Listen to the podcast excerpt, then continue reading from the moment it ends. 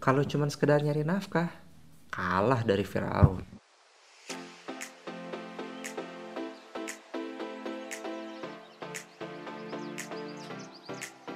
Halo, assalamualaikum warahmatullahi wabarakatuh. Masih sama Canun Kamil di podcast Jodoh Dunia Akhirat. Sobat JDS kalian, kalau kerjaan suami cuma buat nyari nafkah doang, seriously I wanna say that kita kalah besar dari Fir'aun. Kenapa coba? Saya mikir kayak gitu. Kemarin tuh uh, ini cukup menarik ya. Waktu saya baca baca-baca tafsir dari Buya Hamka, tafsir Al-Azhar dari Buya Hamka, kita tuh bakal ngeliat bahkan sampai sekarang uh, saya juga udah konfirmasi dan kita bisa konfirmasi juga lah di Google ya, di Google sampai sekarang. Piramid yang dibangun sama Firaun sampai sekarang itu masih masih berdiri sedemikian tegak gitu. Pertanda apa? Itu teknologi sedemikian canggih kan pada saat itu kan. Teknologi canggih banget, keren banget. Bisa dibilang buat seorang kepala negara yang bisa apa ya uh, yang bisa membuat sebuah bangunan dengan teknologi secanggih itu itu secara prosperity secara kemakmuran secara kekayaan itu drastis banget gak sih kekayaannya itu kenceng banget gak sih itu pasti luar biasa banget gitu bahkan kalau misalkan mau bisa dibilang bapak pembangunan terhebat terdahsyat itu jangan-jangan sepanjang sejarah manusia itu adalah Firaun tapi uniknya apa sobat JDS kalian? Yang dibangun Fir'aun itu cuma harta benda. Ya nggak? Cuma harta benda doang. Dan dia dan dia malah justru meruntuhkan budi-budi pekerti. Meruntuhkan, menghancurkan kemanusiaan di negaranya. Nah, sobat JDS kalian, pola yang dilakukan Fir'aun ini kan jangan sampai ini terulang di dalam rumah kita dengan skala yang kecil. Skala yang kecil tuh maksudnya ya kita nggak ada apa-apanya lah dibandingkan Firaun. Uh, ngumpulin kekayaan ya sekekaya-kayanya kita misalkan ya. Ya misalkan sekarang kita punya kekayaan seperti siapa tuh?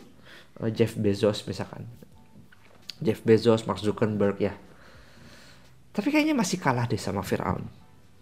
Tapi kalau misalkan seandainya kita bisa mengumpulkan kekayaan seperti itu doang, tapi kita jarang ngobrol sama pasangan, jarang kita ngedidik anak-anak kita, jarang kita berinteraksi langsung sama anak-anak kita. Eh, jangan-jangan kita nggak ngebangun budi pekerti pasangan sama anak-anak kita. Jangan-jangan kita mirip skalanya sama Fir'aun. Ya tapi ska, bukan mirip skalanya sih, mirip tindakannya sama Fir'aun, tapi skalanya yang beda.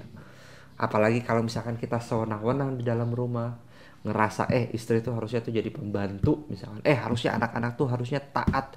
Uh kita memberikan tuntutan-tuntutan seperti itu kita ngerasa berhak ngerasa berhak sekali lagi kita ngerasa berhak. Harusnya suami harusnya istri tuh kayak gini harusnya anak tuh kayak gini. Wow ini kita hati-hati kita udah ngikutin jejaknya Fir'aun meskipun sebetulnya kita nggak ada apa-apanya sama Fir'aun tapi coba sekarang kita renungin lagi. Kenapa suami disebut sebagai imam keluarga gitu? Di satu sisi betul eh, anak-anak kita, pasangan kita perlu harta benda jelas. They need house. They need house. Tapi tidak hanya house yang mereka butuhkan. Karena gini, uh, betul emang perlu uang. Tapi kalau misalkan keluarga kita hidup banyak uang tapi tanpa iman itu gimana? Oke memang. Anggaplah anggaplah punya asum kita punya asumsi anggaplah nggak punya uang nggak bisa hidup di dunia.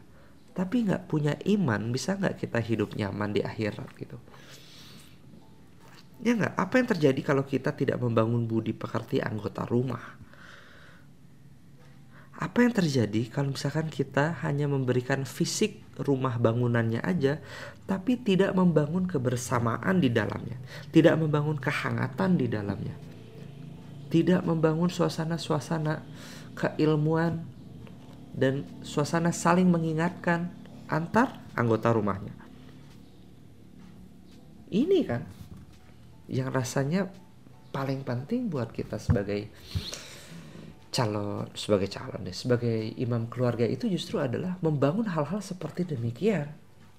Membina. Apalagi kalau misalkan kita lihat tadi uh, contoh terbaik kita ya teladan kita Rasulullah Shallallahu Alaihi Wasallam. Kita bisa bilang bahwa hausnya Rasulullah itu sangat-sangat sederhana banget sederhana banget.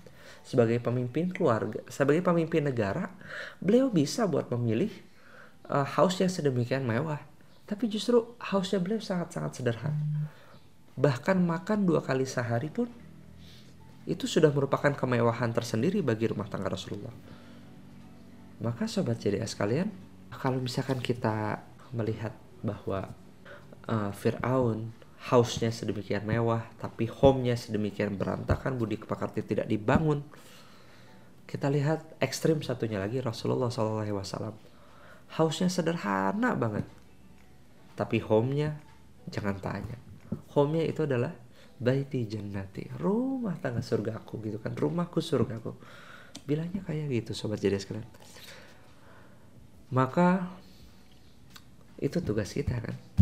Tugas kita sebagai leaders dalam rumah tangga yuk kita teladani sosok yang layak untuk kita teladani. Alih-alih kita uh, mengikuti jejak-jejak Fir'aun meski dengan skala yang kita nggak bisa menyamainya tapi kita ngikutin aja teladan yang terbaik teladan yang terindah jangan lupa ngenafkahin nyari nafkah penting dan ngebina, ngedidik, ngebangun budi pekerti itu jauh lebih penting. Jadi dua-duanya penting dan ada yang lebih penting dari itu.